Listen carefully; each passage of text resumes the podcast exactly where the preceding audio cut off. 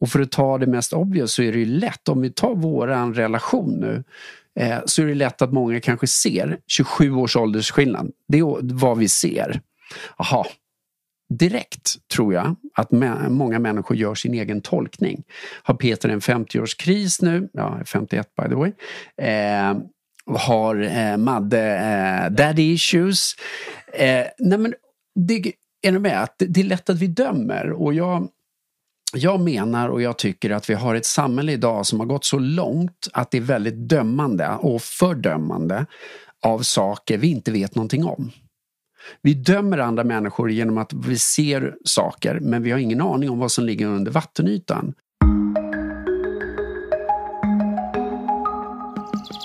Going Deeper är ett space där vi öppnar upp dörren till vår relation och tillsammans med våra gäster delar vi med oss av de mönster som vi själva har behövt bryta, de rädslor vi behövt möta och de nycklar som guidar oss till att skapa djupare och mer meningsfulla relationer.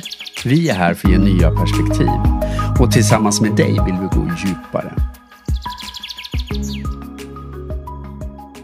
Det har blivit dags att gå ännu mer in på djupet att tillsammans utmana våra egna valda sanningar om vad som är rätt och fel. Och att bjuda in idén om att det som är rätt för mig kanske inte är rätt för dig och vice versa. Hur skulle världen se ut om vi vågade titta under ytan? Var kommer personen som jag har framför mig ifrån? Vad är det som ligger till grunden för personens beteenden, val eller ageranden? Vilka sanningar bär personen på eller vilka glasögon har personen på sig som gör att den väljer och agerar som den gör. Under det senaste året så har en enorm inre resa pågått hos mig och det är en resa som har lett mig närmare mig själv, mitt eget hjärta och en djupare kontakt med insikten om att jag har både möjligheten och rätten att leva ett liv sant mig själv som kanske inte alltid förstås av andra. Resan har inte bara tagit mig närmare mig själv utan även guidat mig till en djup, och närvarande och meningsfull relation till en man som är 27 år äldre än mig. Det är en relation som jag nu vill öppna dörren till för att inspirera till att våga bryta mönster och att tänka nytt. Igen, det som är rätt för mig kanske inte är rätt för dig och så vice versa. Med den intentionen så har jag bjudit in min partner Peter Nilsson för att öppna upp för ett space som vi vill kalla för Going Deeper. Där vi djupdyker i de nycklar och mönster som leder till meningsfulla och hälsosamma relationer. Going Deeper är helt enkelt ett segment av podcasten Perspective där vi tillsammans med våra gäster dyker in i öppna och ärliga och tankeväckande konversationer. Mer än så tror jag inte att jag behöver säga utan nu har det blivit dags att öppna dörren och att gå djupare. Nu sitter vi här. Yes! Och jag är inte bara gäst. Nej, och det känns ju helt otroligt. Det känns eh, sårbart och fint och helt fantastiskt att få bjuda in dig som co-host till den här podden och att få kliva in som en ja, men som en större del. Du har ju varit gäst här eh, tidigare. Ja, vid två tillfällen. Ja, vid tre kommer det nog till och med vara när det här ja, avsnittet släpps. Det. det är sant. Uh, så, så du är ju en del redan av podden. Men det här känns ju som ett, ett stort välkomnande att få, ja, att få ha med dig i en större utsträckning och skapa det som vi ska skapa med Going Deeper. Yes, Going Deeper. Hur, eh, eller jag tänker vi, vi ska gå igenom intentioner och vad vi vill med det här. Och innan vi gör det så skulle jag vilja ha en liten incheckning med dig. Hur, eh, hur mår du idag och hur mår ditt hjärta? Jag älskar ju den frågan och du brukar ju ta den. Så jag, jag tänkte börja med, och med tanke på vad vi vill med den här podden så tänkte jag börja med att bryta mönstret direkt. Så att istället för att jag svarar så vill jag då eh, ställa samma fråga till dig först eh, hur det känns i ditt hjärta innan jag berättar hur det känns i mitt hjärta. För jag är nyfiken på hur det känns i ditt hjärta. Fint. Jag... Eh, mitt hjärta just nu känns sårbart och också väldigt fyllt av kärlek. Jag är på en plats där jag känner väldigt mycket ro och det är en känsla som jag inte har känt den senaste månaden. Vilket gör att jag är väldigt tacksam för den känslan. Jag känner mig rofylld och har spenderat väldigt mycket tid i naturen de senaste dagarna och veckorna. Så jag känner mig lugn i mig själv och ganska, är väldigt connectad till mig själv på ett fint sätt som jag gillar. Och mitt hjärta just här och nu känns sårbart därför att du och jag hade en liten jag vet inte vad vi ska kalla det, men vi, vi krockade lite grann ja, i våra en, triggers. En, en liten fnurr. ja, exakt. Vi, vi krockade i våra triggers precis innan vi skulle eh, spela in. Mm. Och morgonen började med att vi hade fantastiska tillstånd och dansade och busade och skrattade. Och, och sen så hamnade vi i något helt annat. Så, så det har varit en, en spännande morgon på det sättet att hitta tillbaka också till varandra för att kunna göra det här, den här intervjun, eller det här samtalet. Liksom. Eh, men, men här och nu känns mitt hjärta tryggt och, och jag känner mig älskad även om jag har ett mönster av att bli väldigt rädd när det uppstår konflikt. För att min, min go-to-rädsla ofta är rädslan för att saker ska förändras. Och att jag inte längre ska vara älskad. Eh, men med dig så mm. känner jag en trygghet i att jag fortfarande är det. Så det är fint och det vill jag tacka dig för. Vad fint. Tack! mm. Så hur mår ditt hjärta älskling? Hur mår mitt hjärta? Ja, mitt hjärta är... Det, alltså jag älskar frågan för det, det går inte bara att svara ut från huvudet tänker jag utan verkligen känna efter. Och som du sa, den här morgonen var verkligen lustfylld och, och, jag har känt en enorm tacksamhet med tanke på att jag nyss har flyttat och bara bott eh, två veckor här ute på Tyresö Brevik i naturen och nära havet och det känner jag mig väldigt tacksam över tystnaden och lugnet och liksom varje stjärnklar himmel hjälper mig enormt känner jag. Det har ju varit ett eh, turbulent år för mig, vilket jag kan komma tillbaka till senare och därför känns det här verkligen som jag känner mig väldigt tacksam i det.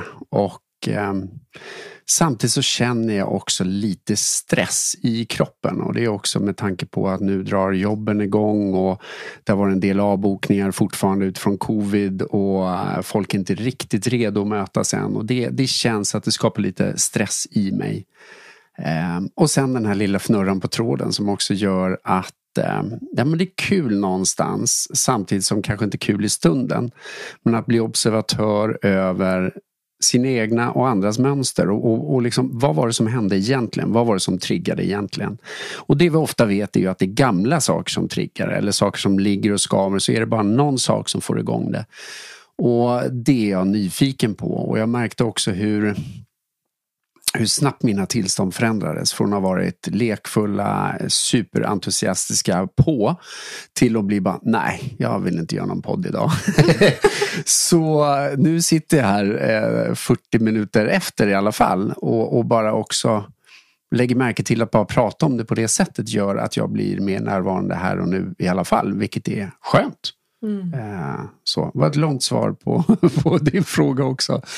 Eh, ja, där är jag. Mm. Tack för att du delar med dig. Jag tänker också det är någonting fint i det här som du säger att vi tar liksom metaperspektiv på det som precis hände och pratar om det istället för att prata i det. Mm. Jag tänker att det är också en av de kanske nycklarna som vi kommer lyfta framöver i något poddsamtal eh, i hur vi, vi kan använda oss av de, de nycklarna för att här, ja, ta lite nya perspektiv på eh, konflikter eller eh, saker som, som kan skava. Så. Mm. Ja, så den är, den är spännande, det du säger att det hjälper. Så, eh, du var inne på lite grann vart du har ditt fokus just nu med att det är mycket jobb och du har flyttat och sådär. Men eh, om du känner in sådär, är det någon annanstans där du har din nyfikenhet eller ditt fokus just nu i livet sådär, generellt? Oj, min nyfikenhet generellt. Jag tror just nu att alltså det har varit ett år som jag inser också att jag nog Alltså ett år där jag har försökt att landa någonstans i allt det som har hänt. För att det var ju väldigt mycket som har hänt det senaste året, eller vad blir nu de 14-16 senaste månaderna. Och, och, det är att dels så förlorar jag ju eh, typ 95 procent av mina intäkter med alla jobben som bara försvann. Eh, och där måste jag ställa om. Så där ligger mycket av min nyfikenhet nu. Att ställa om, göra onlinekurser, liksom hitta andra sätt att komma ut. Podd är ju också ett sätt. Eh, men också mycket lärdomar i just det här att eh, jag har ju haft min familj väldigt nära. Nu är mina barn vuxna. Men ändå att vakna upp med dem och ha dem runt omkring sig hela tiden eh, hemma har ju varit helt magiskt och så länge. Med tanke på hur gamla de är nu då. 21 och fyller 19 och sen den tredje är ju utflyttad och, och eh, äldre sen tidigare då. Men just det att inte ha det eh, runt omkring sig har jag insett nu är enormt eh, jobbigt och påfrestande. Så att min nyfikenhet går ju också till mycket av mina egna mönster när det kommer till det som har varit och det som är nu. För det går inte att komma ifrån att det har varit mycket under året har det varit mycket sorg men sen har det också varit mycket glädje i och med att jag träffade dig. Eh, och när vi började först jobba och sen började vi inse att det finns ju någonting här mellan oss. Eh, och samtidigt var det väldigt tabu som vi kommer in på senare. Så att min nyfikenhet går väldigt mycket till mig och mina egna mönster just nu. Och vad, vad också som triggar mig väldigt mycket är rädslor som jag nog tidigare i livet inte har velat erkänna rädslor utan jag har bara tryckt undan. Och det gör ju också att jag har tryckt undan väldigt mycket av känslor som ligger där. Och när de börjar komma upp och de här rädslorna börjar liksom byggas på med stories då det är fascinerande men också lite läskigt skulle jag vilja säga vad, vad vi kan göra med känslor och bygga stories kring det. Eh, och då tappa bort sig själv här och nu. Så att min nyfikenhet går väldigt mycket till att, att landa och försöka vara mer här och nu, vilket jag tycker är en utmaning. Det är en träning. Eh, det är lätt hänt att vara mycket i historien och känna sorg eller vad det nu må vara. Eh, men det kan också vara så att jag, jag kan vara i framtiden och känna mer kanske, jag ska inte säga ångest för det är inte ett känslouttryck som jag känner ofta men jag kan göra det. Men däremot oro då eh, för framtiden. Och eh, för mig handlar det väldigt mycket om att hämta mig tillbaka till här och nu. Eh, och inte försvinna i framtid och kanske jobbiga tillstånd utan i så fall mer eh, skapa tillstånd för framtiden som är mer jag ska inte säga harmoniska, men mer äggande och triggande. Att ah, det här vill jag skapa. För jag vet ju också att jag skapar min egen framtid. Och det har jag gjort hittills och jag inser att det senaste året har gjort att jag har wobblat. Jag har lätt glidit tillbaka till historien och sorg och så vidare. Eh, så där behöver jag mycket av mitt fokus skulle jag säga och min nyfikenhet i det. Det var ett mm. långt svar igen. mm. ja. Och jag vet inte om du nämnde där du pratade om sorg att inte ha dina barn nära och sådär. Eh, kanske missade det, men jag vet inte om du nämnde att det handlade om skilsmässa. det är sant. Det är sant. En skilsmässa, en separation förra året och efter 22 år. Och det var liksom 22 härliga, fina år. Däremot också att inse någonstans att vi kanske behöver eh, separera för att gå vidare in i framtidsramen där vi kanske hade lite olika behov och önskemål. Det kändes fint och, och liksom i stunden och jag tänkte väl att den första månaden efter den här separationen så var det Gud hur svårt kan det vara med en separation egentligen? Eh, men så fort jag flyttade ut så hände det någonting. Och utan att gå in på detaljer i det så skulle jag vilja säga att det skakade om mig rejält. Så att ja, det är en separation. Och eh, även flyttat från drömhuset då, men nu har jag hittat ett litet eh, ytterligare ett drömhus för mig, här ute på Tyresö Brevik, så det är bra. Eh, men ändå, ja det var mycket som hände. Mm. Omtumlande år. Jag tänker det, också, det har varit fint att få följa din resa i det och de processerna. Eh, att eh, det också funnits väldigt mycket dubbla känslor i det. Jag tänker det är också någonting som tåls att pratas om. Det här med att det också går att känna olika känslor samtidigt. Mm. Att, eh, att bara för att du har varit i sorg så har inte det hindrat dig från att känna kärlek. Ja. Eller bara för att du har varit i kärlek eh, i relation till mig så har inte det hindrat dig från att känna sorg. Alltså Nej. att de känslorna inte slår ut varandra.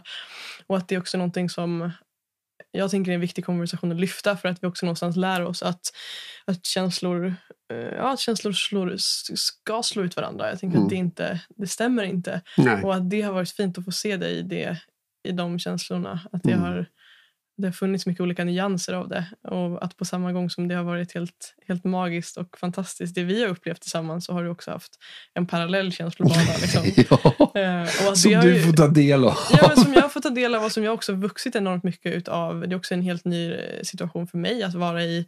Mm. Eh, och relatera till och hantera. och så mm. Det är klart att det också väcker känslor i mig. Att så här, den historien någonstans är så pass nära. Den är, mm. den är väldigt mm. så här, under huden på något sätt.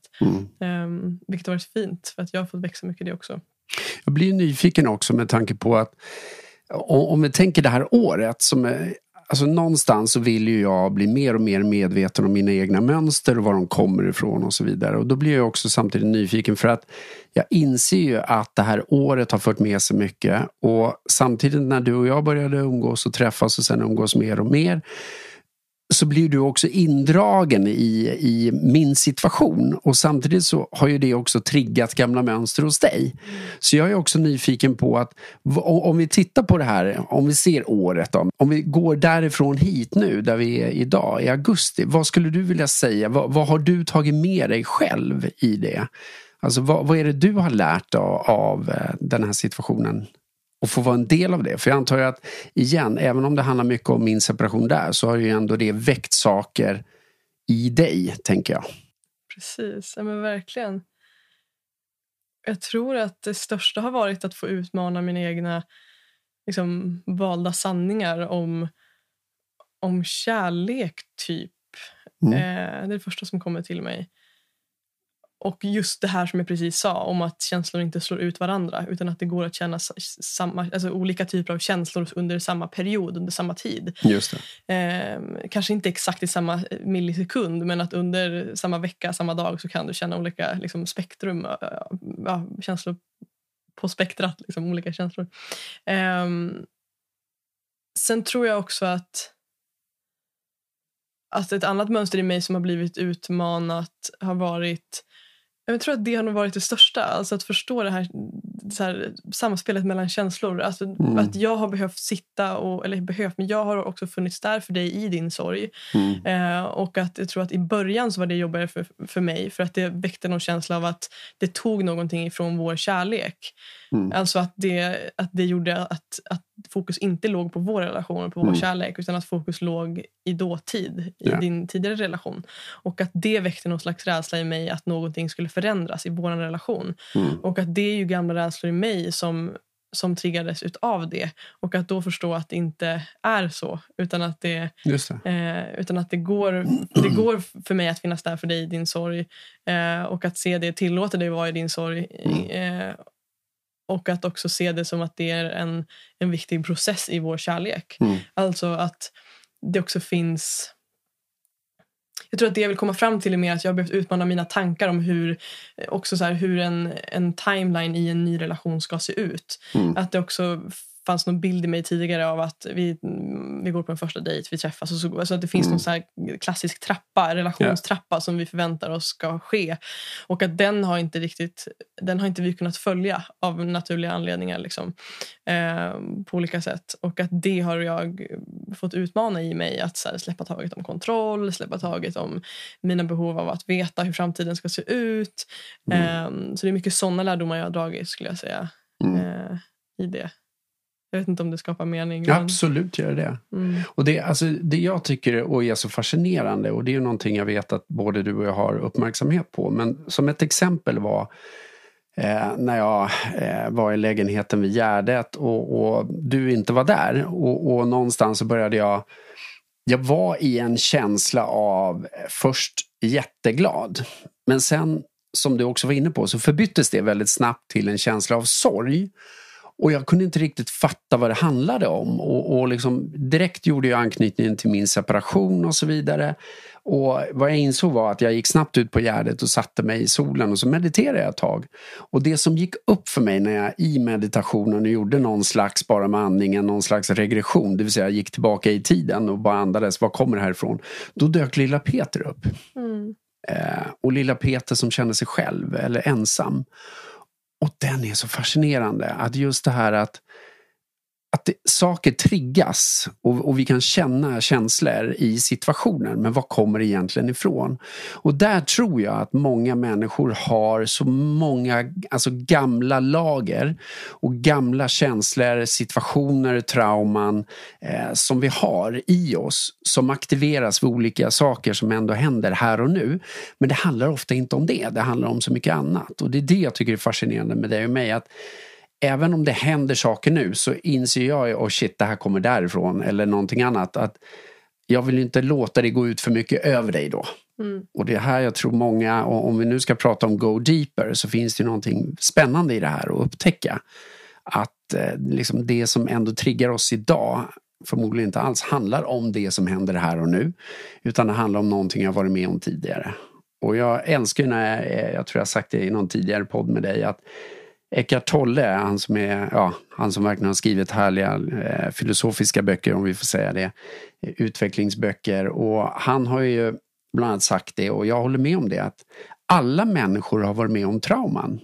Istället för att se att ja, men jag har inte haft något jobbigt. Utan, men han säger att alla har varit med om trauman. Det är bara att vi, de är olika stora. Och de ser olika ut. Bara att födas är ett fantastiskt, om vi får säga det, trauma. Då. Eh, att lämna mammas eh, sköna eh, mage och komma ut. Bara det är ju trauma i sig. Så att också förstå att vi har massa gammalt som ligger i oss och det handlar om att få ut det. Och, och bara lära känna det, det tror jag är jätteviktigt. Mm. Men det tror jag också är en nyckel i relationer. Att inte heller jag tänker att det är lätt att gå till den platsen där man tror att allting handlar om ens partner. Alltså att det är du som har gjort det här mot mig eller det är mm. du som har fått mig att känna så här. Men att det väldigt ofta är våra egna reaktioner och som du säger, gamla mönster. Liksom. Yeah. Uh, och att det uppskattar jag också väldigt mycket i vår relation. Att vi kan vara ganska, eller väldigt, får jag väl ändå säga, sorterade i det. Uh, även om det också uppstår situationer som i morse där ja, om jag får säga varken du eller jag kanske är så sorterade i det. Liksom, att det blir, eh... Jag tror vi inte riktigt kanske förstår och Nej. ger oss inte riktigt tid till att förstå. Mm. Och då blir det lätt att det blir mer prat. Och prat är ju oftast inte lösningen.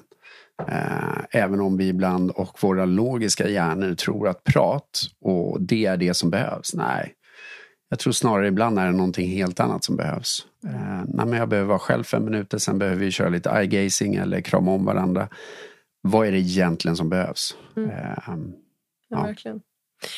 Lång inledning på det här poddavsnittet. Just det. Var började vi någonstans? Var började vi? Jag, tänker, jag vill ta det tillbaka till vad vår intention är med det här samtalet vi har idag. Också intentionen med, med det här segmentet av podden, Going Deeper. Uh, och jag tänker att jag kan börja dela... Vi har ju en gemensam intention men jag tänker mm. också att det finns olika här, att känslan och drivkraften kan komma från olika platser i oss. Eh, så jag tänker att det finns något fint i att vi båda delar våra, yeah. våra drivkrafter eller vår vilja, vår längtan i att vi gör det här. Eh, så, så jag upplever en, en stark längtan efter att utforska ännu djupare eh, när det kommer till relationer. Alltså mm. vilka mönster och vilka eh, vilka mönster och nycklar är det som leder till, till djupare och mer meningsfulla relationer. Och Det är ju någonting som du och jag dagligen utforskar får jag ändå säga, i vår egen relation och någonting som vi båda är också nyfikna på i, liksom i oss själva. Och jag tänker att Det hänger också ihop med våra egna mönster och så vidare i oss själva. Och mm. Um, så det ser jag väldigt mycket fram emot att få, att få vara på den resan tillsammans med dig och ta del av både att få dela våra egna nycklar och eh, liksom, verktyg som vi har i vår relation som får göra att det som underlättar för oss att komma, komma djupare eh, i relation till varandra. Och också ta del av de nycklar och mönster och, och så vidare från våra gäster som vi kommer ta in. Eh, så jag ser väldigt mycket mot, fram emot att, att ta del av det och att dela det med, med lyssnarna. Mm. Eh, och, och sen så det vi liksom inte heller har gått in på helt är ju att du och jag har en relation. Eh, och att, Va? Va? Har vi? oh, fan.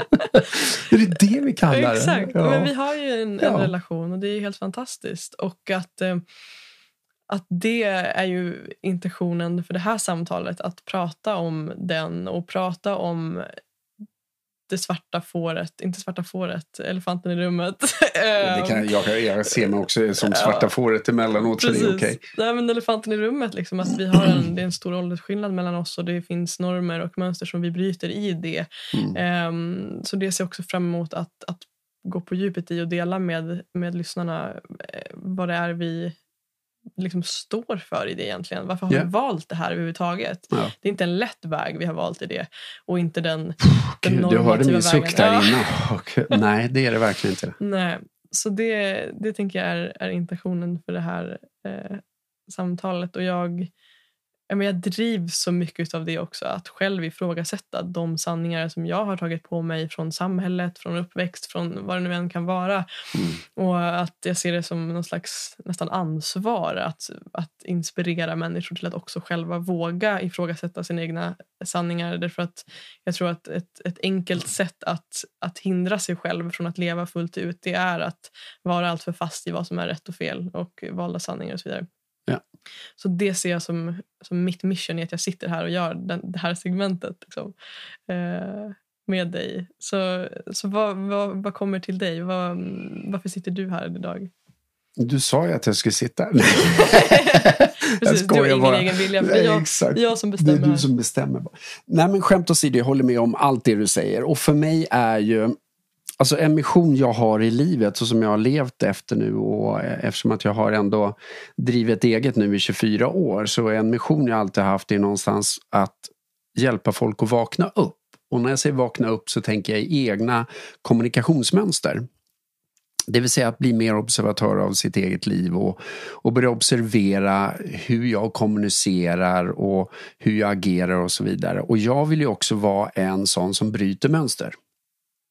Eh, en pattern breaking guide. Det vill säga att jag vill gärna vara hjälpa människor att bryta mönster och framförallt ineffektiva och ohälsosamma mönster.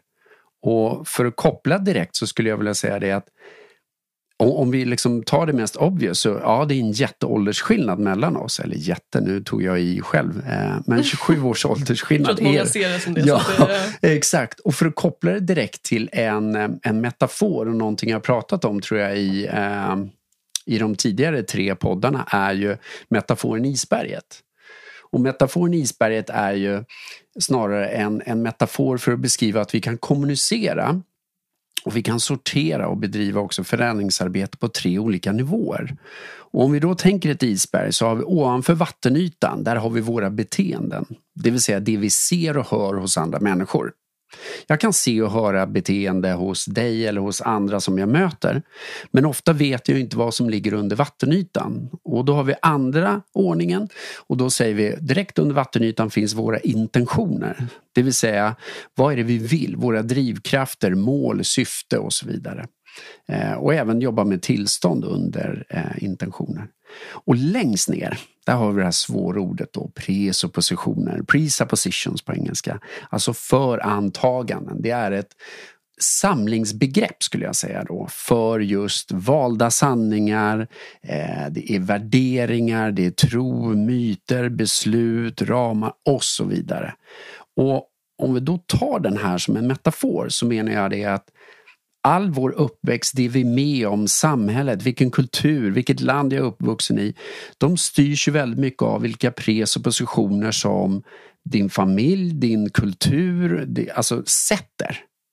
Och då är det väldigt lätt hänt menar jag att vi inte ens är medvetna om vilka presuppositioner vi har om saker och ting utan vi bara agerar. Vi reagerar på saker och ting. Och för att ta det mest obvious så är det ju lätt, om vi tar våran relation nu eh, så är det lätt att många kanske ser 27 års åldersskillnad. Det är vad vi ser.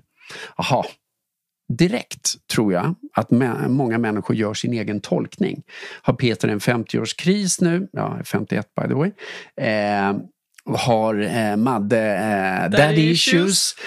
eh, nej men, det, är du med? Att det, det är lätt att vi dömer och jag jag menar och jag tycker att vi har ett samhälle idag som har gått så långt att det är väldigt dömande och fördömande av saker vi inte vet någonting om.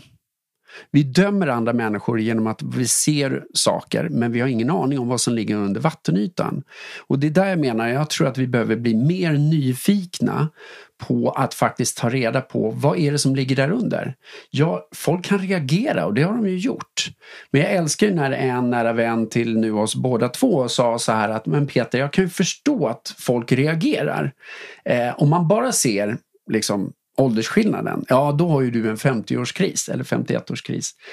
Men så fort man träffar Madde, som han uttryckte det, så sa han, hon är ju en så fantastisk härlig gammal själ. Så man fattar ju att ni har mötts. Ni brinner för samma saker, ni, det är ju helt andra saker som verkar driva er. Och de ser ju en annan connection, de som har mött dig och mig. Men det är inte alla som har gjort det.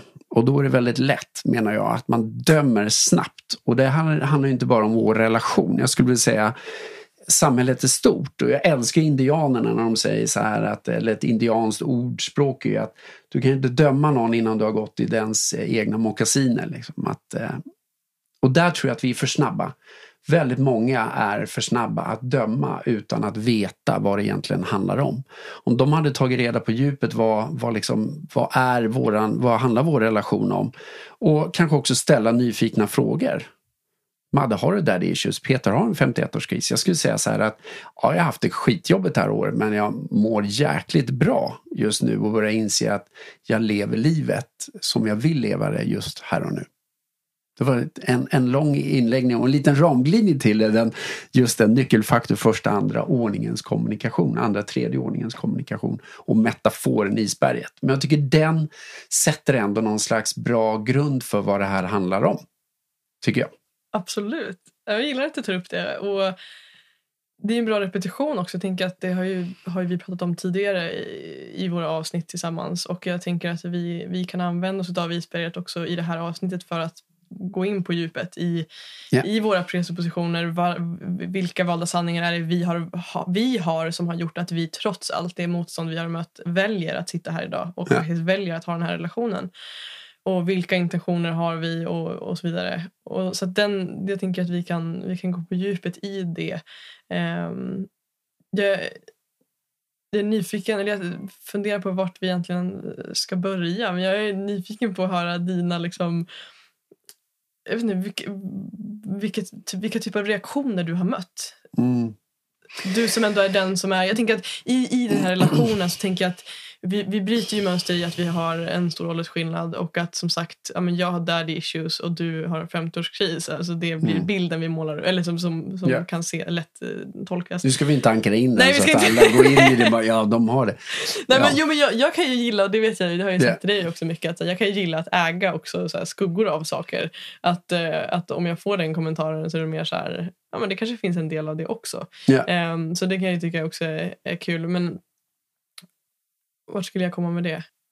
Nej, men eh, jag, du frågade vad jag egentligen hade, vad jag har mött och jag kan ju svara på den frågan så, så kan du fundera på om det var någon annanstans du också ville komma. Men det vanligaste som jag har mött under det här året och som jag tycker är enormt jobbigt, det är tystnad. Att det blir helt tyst. Och att vänner eller bekanta inte frågar, inte säger någonting. Och så får jag höra omvägar, stories, som dessutom inte är sanna. Det tycker jag är jobbigt. När det tolkas, och det är det jag ogillar med det här med isberget. Att om jag ser någonting och gör att jag tolkar eller går igång och undrar, då skulle jag ju ställa frågor. Du Peter, vad, vad är det som händer? Ja, och det har jag några vänner som har gjort, men de är inte många. Eh, och det sköna tycker jag är när några ställer några frågor och sen vill de förstå vem är Madde? Och vill träffa dig. Eh, det gillar jag för då får de skapa sig en egen uppfattning om vem du är och då inser de, oh shit. Ja, kanske inte som alla 23-åringar, eh, snart 24-åringar då, utan snarare det här är någonting annat. Och det är det jag ser. Jag ser ju att snarare våra själar har mötts på ett, på ett helt annan, eh, annat plan. Eh, men det är ju igen inte vad folk ser. Så tystnad skulle jag vilja säga är det. Och lite, jag ska inte säga, men eh, just det här att utfrysning, att inte vilja befatta sig med. Och då tolkar jag att en del tolkar han har helt tappat det medan jag snarare känner att jag har äntligen mm, verkligen landat i där jag är här och nu. Och den, alltså när det blir tolkningar och framförallt misstolkningar och stories sprids, det tycker jag är det jobbigaste. Ja. Mm. Så hellre ställ frågor, våga. Jag tycker det är många för mig blir att, feg är väl kanske fel ord, men att att tystna istället för att ställa nyfikna frågor, jag har svårt för det. Och det är det jag tror, det handlar inte bara om vår relation. Jag tycker att när vi ser beteenden eller hör beteenden hos människor som vi inte gillar. Varför vara så snabba att döma istället för att ställa nyfikna frågor? Vad ville du egentligen med det här? Vad var din intention bakom att du gjorde så här Peter? Vad, vad är dina valda sanningar? Och det går inte att komma ifrån att jag ständigt, även under liksom den tid som har gått nu, att jag ifrågasätter mig själv hela tiden. Ja men vänta, är det mitt ego nu som bara vill ha en... Nej, det är inte riktigt det det landar i heller, utan det är ju någonting annat. Så, ja, men tystnad. Mm. Vad säger du då? Vad, vad, är liksom, vad är det du har, har mött? Jag menar, det går inte att komma ifrån heller att eh, det måste ändå ha väckt en del eh, respons hos eh, din omgivning och familj och så vidare när det kom fram att, att du faktiskt eh, var i en relation med en 51-åring. Mm. Ja, men det, det har ju varit ett jättelärorikt år på det sättet. Jag har verkligen, jag tror jag aldrig under ett år tidigare vuxit så mycket som jag gjort det här året i, i det här. Och så, så jag ska säga att ingen av mina vänner har reagerat på något konstigt sätt. Jag har bara bemött fina eh, reaktioner av vänner. Och eh, så här, yttre bekanta, där vet jag ju inte. Så att mm. där har jag ingen aning. Liksom. Mm. Eh, och det når mig inte riktigt heller. Jag är inte så oroad. Liksom. Utan mm. jag tänker att de jag har nära och de jag bryr mig om, där är det viktigast. Så att vänner har jag bara bemött fantastiska liksom, ja, reaktioner ifrån i att de, de känner mig och vet vem jag är. De vet vad jag vill.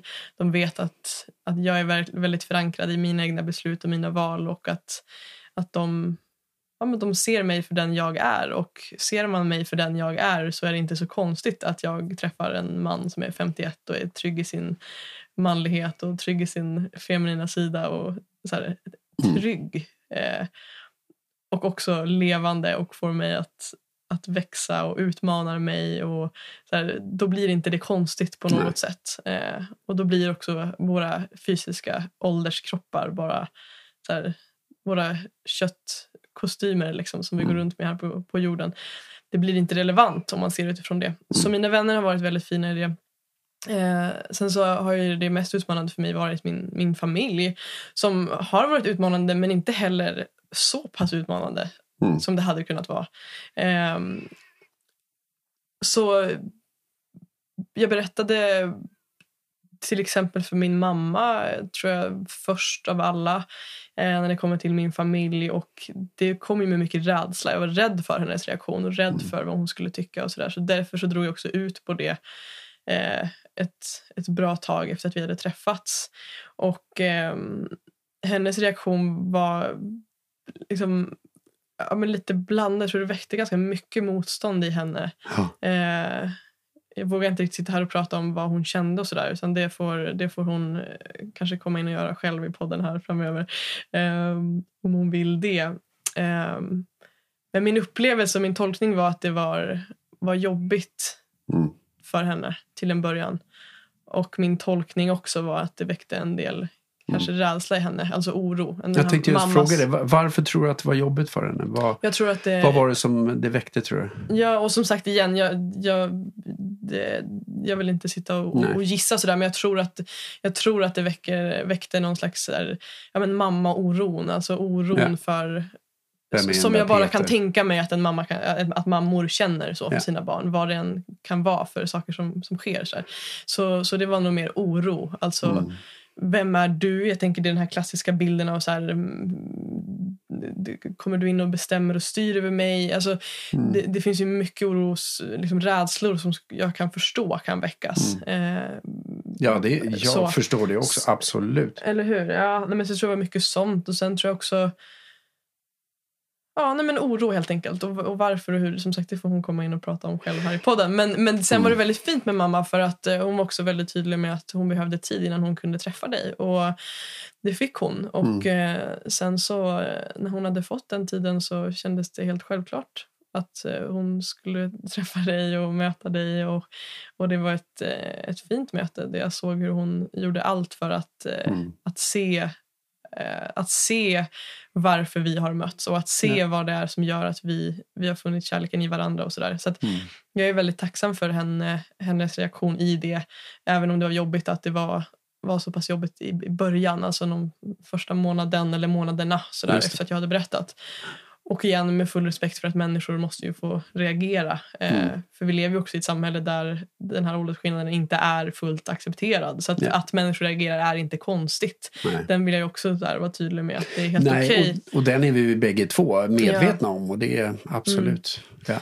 Precis, och det tänker jag att här, det är, det är okej. liksom. Mm. Och, och sen så berättade jag för min pappa och, och det var också... kom- jag minns kom- att du var lite, du var lite, Det var på- du var ja. lite orolig inför det. Exakt, Nej, men det var jag, det var jag, var jag rädd för också eh, baserat på Ja, men också så här, rädslan. Någonstans så finns det väl också en del i mig som fortfarande vill ha mina föräldrars bekräftelse liksom, och Mm. godkännande. Även om jag också kan vara, låta och framstå som ganska kaxig i det. Att jag bryr mig inte om vad folk tycker och tänker. Liksom, så finns det ju fortfarande ett litet barn i mig som är rädd, rädd för att bli utfryst eller rädd för att Mm. inte få vara, vara en del. och Så, där. så, att, så att det var jag, var jag, väckte också rädsla. Och hans reaktion var också spännande. Han sa det att eh, du är min dotter, liksom, jag kommer älska dig vilka beslut du än tar. Och så, så skrattade han och så sa men det är klart det är konstigt att ha en svärson som är några år yngre än mig. Liksom. och igen, det kan man ju också förstå. Liksom. Det, Halv förståelse för det. ja, halv eller hel. Ja. Nej, men och samtidigt så, så är det ju härligt när det ändå kommer in lite humor i det. Mm. Och det gillar jag med båda dina föräldrar. Att det, och, och någonstans också när jag mött din mamma ett par gånger att det, här, att det ändå finns en nyfikenhet. Mm. Att, att inte vara för snabb att stänga dörren. Och det är det jag tror, när människor agerar för mycket på första ordningen, det vill säga på beteenden, då ser Mm. man bara någonting och vill inte ta reda på mer. Exakt. Och dessutom styrs man nog väldigt mycket av sina egna presuppositioner om saker och sina egna stories och egna erfarenheter vad du har varit med om. Mm. Och det är ju synd att döma andra människor utifrån vad du själv har.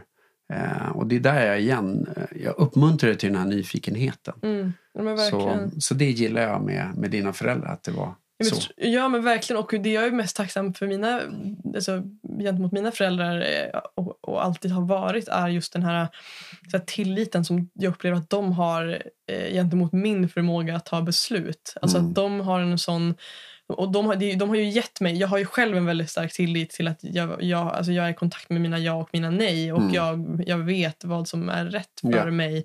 Eh, alltså att jag litar på min inre GPS vilket är en, en otrolig gåva de har gett mig.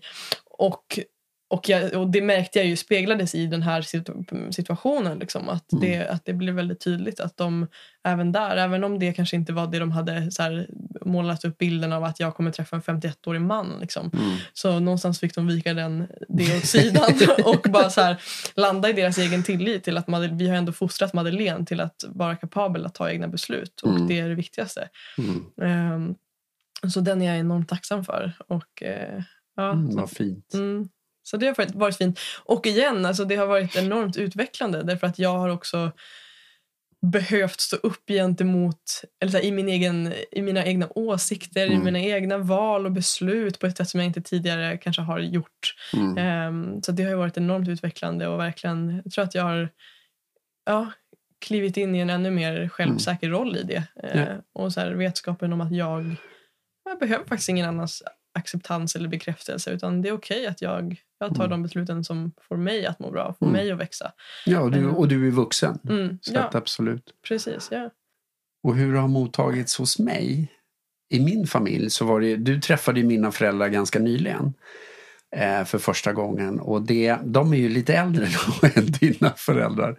Eh, det vill säga i 80-årsåldern och det jag ändå tycker var väldigt fint det var att någonstans i det här så, så ser ju de att, att jag är lycklig. Och det är ju viktiga för dem.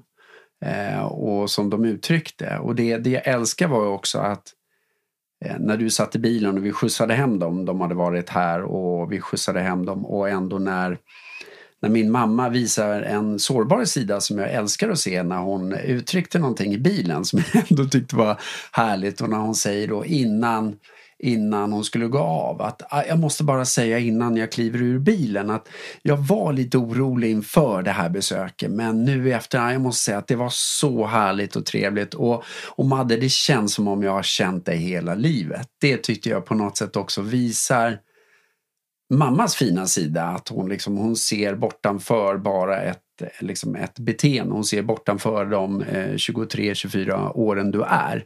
Varför jag säger 23-24 är för att du ska snart fylla 24. Det är därför jag säger det. Ja, det kan ju vara en del av mig också som vill att du ska vara äldre.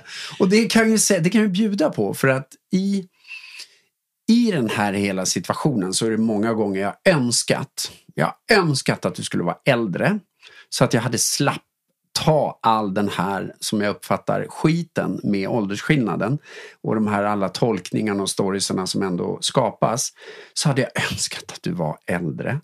Eh, och det bjuder jag på. Och varför? Jag inser ju någonstans att det är samhällets liksom, normer och presuppositioner som ligger där.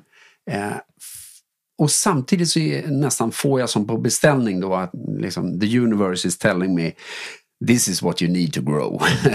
det är det här du behöver för att växa. Och, och jag fattar ju det någonstans att jag, jag behöver det här. Och det i allt det här när det har varit jobbigt för mig så stod ju du där och, och jag insåg men shit, du är liksom sänd till mig för att möta mig i det jag var i där och då och här och nu behöver.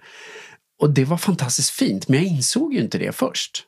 För jag slog bort det hela tiden med att du var så mycket yngre.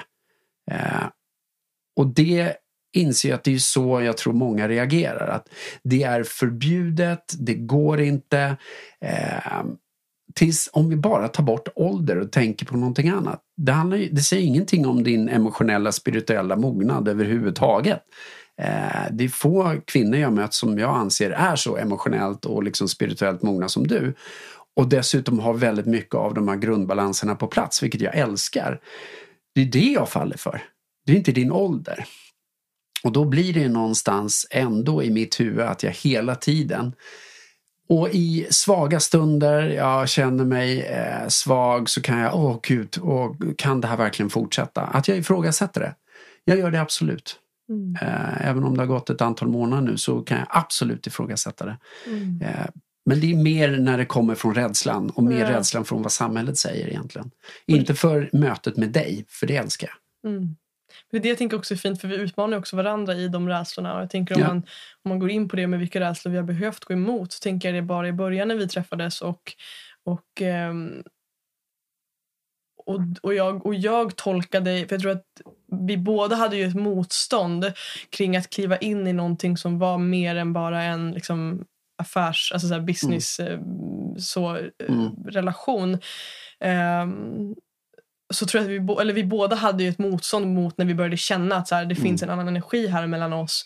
Eh, men den var så förbjuden. Och yeah. att jag jag tolkar och tror att jag, även om jag också kände av den och kände av den under en, en ganska lång period, mm. eh, alltså kände av samma, den rädslan, så tror jag ändå att det gick snabbare för mig att kliva ur den. Därför yeah. att det är, jag tror att jag är i den lättare liksom, positionen i den här relationen där mm. jag inte behöver ta lika mycket skit för att jag är den yngre. Yeah. Um, så, så där är det spännande också hur vi har utmanat varandra i, i de rädslorna. Jag kommer ihåg där när när det var någon, en, en situation där, där det var liksom verkligen ett, så det första skiftet där, där vi någonstans klev, gick från att vara en, en, en så business Date, ja, till bis att det ja. blev en mer så ja. intim och mer att vi klev in i någonting, någonting annat. Och att mm. Jag kommer ihåg att jag behövde utmana dig i det för att du ville rent så fysiskt eh, lämna mm. den platsen där vi var på. Mm. Eh, för att det väckte så mycket rädsla och motstånd i dig för att det skulle vara fel och att du skulle vara ja. någon slags snuskig gubbe och så vidare. Och att jag då utmanade dig i det och sa det liksom att mm. vem skulle du vara eller vad skulle du göra utan dina rädslor? Mm. Och att då blev det också så tydligt att så här, om jag inte hade några rädslor så skulle jag inte gå härifrån för då är jag bara kärlek och då vill jag ja. vara med dig. Ja. Eh, så jag tänker att den också Nej, och det var ju väldigt fint för du avväpnade mig direkt i och med det du sa. Vad vore du nu utan dina rädslor? Och då, det var som nästan ett ok släppte från mina axlar. Jag bara, oh, oh, gud vad skönt. Och då ville jag bara krama om dig. Liksom. Att det var ju någonting annat. Och där tror jag också att hur våra rädslor håller oss fast. Och alltså presupar kan vara också så otroligt fasta. Och det är ju bara att tänka på att, eh, jag tänker på de lyssnare som kanske har gått igenom en separation eller eh, en skilsmässa eller vad det än må vara, så finns det många presuper om det också. Hur länge man ska sörja. Ja, hur länge ska man sörja?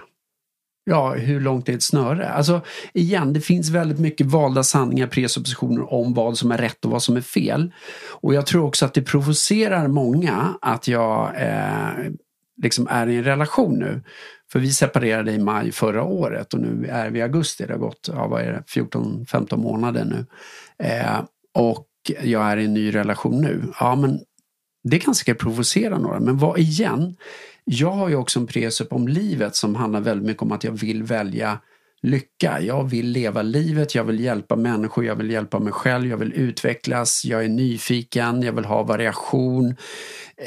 Jag vill att det ska hända roliga saker och, och det vill jag ju leva med. Och då tror jag just det att det, det, kan provocera många att jag inte har valt att vara i sorg i eh, liksom, x antal år eller vad det än må vara. För jag tror att en del är där och jag säger inte att det är fel. Jag säger bara vad gör det med dig som person? Eh, och, jag, och jag har ju en nära, eh, eller jag har en vän som, som var med om hemskheter under tsunamin. Och han fick mycket skit också för att jag minns när han sa det att han nästan eh, en del av Sverige älskade vad han gjorde, en annan del eh, gillade inte alls det. Och vad han gjorde var egentligen att han miste sin fru och sina barn under tsunamin. Och han bestämde sig ganska snabbt och han gick ut också med det att han skulle skaffa liksom en ny familj. För det var det han och hans dåvarande fru hade pratat om. Eh, för att välja lycka. Och i min värld är ju det fantastiskt att ha en sån liksom överenskommelse med före detta då frun om det och sen välja det när det absolut värsta som kan hända i ditt liv händer. Eh, jag beundrar att man kan faktiskt välja det fokuset. Ehm, och igen, det handlar inte om att döma andra människor samtidigt som jag tror att fundera på vad vi har för egna valda sanningar, presuppositioner om just separationer, sorg och så vidare. Jag kan känna sorg eh, liksom, när jag vaknar på morgonen och vara jätteledsen över saker som har hänt. Men sen kan jag känna lycka efter det. Och det är någonstans så tror jag det är viktigt att förstå också att känslor ska flöda genom kroppen. Och låter vi inte känslor flöda utan låter huvudet ta över och liksom, då tror jag att det blir stuck emotions, alltså att de fastnar i kroppen och då, då kommer de komma upp sen. Och jag vill inte bli en bitter gammal gubbe när jag är gammal utan jag vill, jag vill få ur mig skit och jag vill leva här och nu och ha kul. Och igen, jag tror att det kan provocera en del. Samtidigt som jag vill vara en mönsterbrytare. Så, så för mig är det viktigt att välja glädje. Mm. Jag menar bara det, så här, att välja glädje provocerar ju folk. För Absolut. Att, för att det är så här, ja, men livet, vi är ju ändå lärda att livet ska vara en kamp, livet ska vara hårt, livet ska vara på ett speciellt sätt. Det finns mycket sådana presupar också. Ja. Um, så bara att du sitter och säger det kommer ju också trigga många. Eh, eller kan potentiellt göra det. Yeah. Så, så den, den är ju spännande och det visar också bara så här, ja, men ska, vi, ska vi förlika oss med den bilden av att livet ska vara en kamp eller är det okej att välja glädje? Mm. Eh, jag tänker också det du var inne på det här med, nu blir det mycket prat om, om skilsmässan känner jag, men det är ju fint också någonstans att, eh, att, att så här, att bara för att du har valt, precis, eller du nämnde här Pigge Verkelin, mm. vi nämnde inte hans namn, men ja. mannen som du berättade om ja. i Thailand där, som också har varit med i podden, att han också det. valde, valde det eh, innebär inte att han inte sörjde. Alltså igen, att det blir samma sak. Eller innebär inte att han valde en ny familj och inte värderade den gamla. Utan ja. att, eh, eller liksom att det blir någonting jag tänker att det är samma sak i din situation också. Mm. Att du, du har valt kärlek på nytt, du har valt livet, du har valt glädje, du har valt lycka. Eh, och det slår inte ut det faktum att du är enormt tacksam och känner kärlek för mm. det liv du har levt fram tills nu. Ja, och det exakt. Sorry om jag avbryter. Nej, kör på. Nej, nej men och jag tror just det här också att jag kommer hela tiden titta tillbaka på mina 22 år med min före detta fru eh, med glädje. För vi hade 22 fantastiska år och jag kan förstå i de fall också där skilsmässor river upp saker och det händer grejer och, man, och det blir projiceringar hit och dit. Jag förstår det och jag förstår eh, jobbiga känslor för jag själv har haft dem. Men jag inser att det är jag som får jobba med dem. Jag ska inte lägga dem på min före detta eller lägga dem någon annanstans. Hon har sitt jobb hon behöver göra, jag har mitt jobb jag behöver göra. Så att för mig är det jäkligt viktigt i alla typer av separationer att förstå också att det är lätt annars tror jag, om vi inte gör det, att vi hittar syndabockar. Det vill säga att den gjorde si mot mig. Och jag tror att söker vi syndabockar hela livet då kommer vi också aldrig behöva dela med våra egna saker. Så att den delen tror jag är så viktig i relationer och i olika typer av separation. Att också förstå vad är det jag behöver jobba med eh, och ta ansvar för det. För annars skulle jag säkert kunna fastna i och vara bitter på saker som har hänt. Eh, och jag kommer aldrig hänga ut min för detta i, i det avseendet för hon har sin resa, jag har min resa. Jag bjuder på mina erfarenheter och upplevelser eh, och vad jag får jobba med. Det bjuder jag på. Mm. Och så tror jag är, igen, vi ska ha ett samhälle där vi pratar med, inte pratar om. Eh, jag tycker vi har för mycket ett samhälle idag där vi pratar om. Och framförallt om vi har ett samhälle där vi pratar om andra människor och dessutom styrs av vad vi ser på vattenytan, det vill säga beteenden och inte är nyfiken nog att gå in och ställa de här nyfikna frågorna. Peter, hur tänkte du där? Eller vad, vad är det som binder er samman där? Vad har du egentligen för vald sanning om relation när det kommer till åldersskillnad och så vidare? Att vara mer nyfiken, det är det jag undrar. Alltså, mm. Jag önskar eh, liksom att vi kunde ha mer nyfikenhet i världen. Då skulle det se helt annorlunda ut. Och att var och en tog ansvar för sig när det kom till känslor. Att inte projicera ut dem på andra. Den tror jag är jätteviktig. Mm. Eh, och ibland gör vi, jag menar att vi nästan alltid har goda intentioner men att det kan komma fel ut. Och det kan ju också innebära liksom att, att jag sätter någon slags prägel på, låt oss säga så här om att, att du skulle träffa din före detta och så säger jag så här, du, jag skulle bli jätteledsen om du träffar din före detta nu och så lägger jag på ett icke-verbalt språk och så vidare. Så ja, jag är ju tydlig med min känsla men jag kanske lägger också skuld på dig om du träffar den. Det vill säga att då vill du inte träffa din för detta. Medan jag känner så här, men självklart kanske du ska göra det. Eh, men det är lätt hänt att just det här att vi, vi kommunicerar ju hela tiden och frågan är om vi är medvetna om vad vi kommunicerar och lägger på andra människor. Det är det jag tror är viktigt också när det kommer till kommunikation. Mm. Det är många sidospår här men du, du ser, jag, jag, bara pratar, jag bara pratar massa här. eh, på tal om där vi började, i vår relation. Exakt. ja. Men jag tror just det, när det kommer till det här med alltså åldersskillnaden i sig, att det, det är så lätt att vi bara fastnar vid den. Och det är det jag någonstans önskar, att ta reda på mer. Mm. Ta reda på mer innan du ens, liksom, annars blir viskningsleken. Och den har jag fått vara med om under eh, de här senaste månaderna, att det kommer upp stories till mig som inte ens är sanna och det kan jag tycka är jobbigt.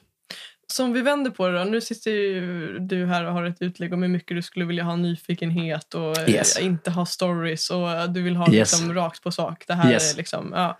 Och nu sitter vi i ett space där vi kan ge det. Yes. Eh, så eh, vilka principer har du om relationer eller om livet som gör att du väljer att vara tillsammans med mig trots allt det motståndet som finns? Alltså en, och jag, jag, kan nog ha sagt det här i en tidigare podd också, eh, och jag säger det igen. En viktig presupposition jag har med mig är att livet ska vara och är ett enda stort utvecklande träningsläger. Och inte alltid kul. Förut hade jag att det skulle att det alltid var kul, men jag inser att det ligger ingenting i det. Eh, att allt alltid ska vara kul, det tror jag inte ett dugg på. Speciellt inte sen, ja vad blir nu, fyra, fem år tillbaka sen jag började åka till Amazonas och fick mina riktiga upplevelser där av att wow, jag har bara valt ljuset. Eh, och inte tillåter mig att känna jobbiga känslor riktigt och vara i dem. Eh, och jag inser att det är där utvecklingen ligger. Inte bara att ständigt springa runt och vara glad och vara positiv, för det är inte vad jag är.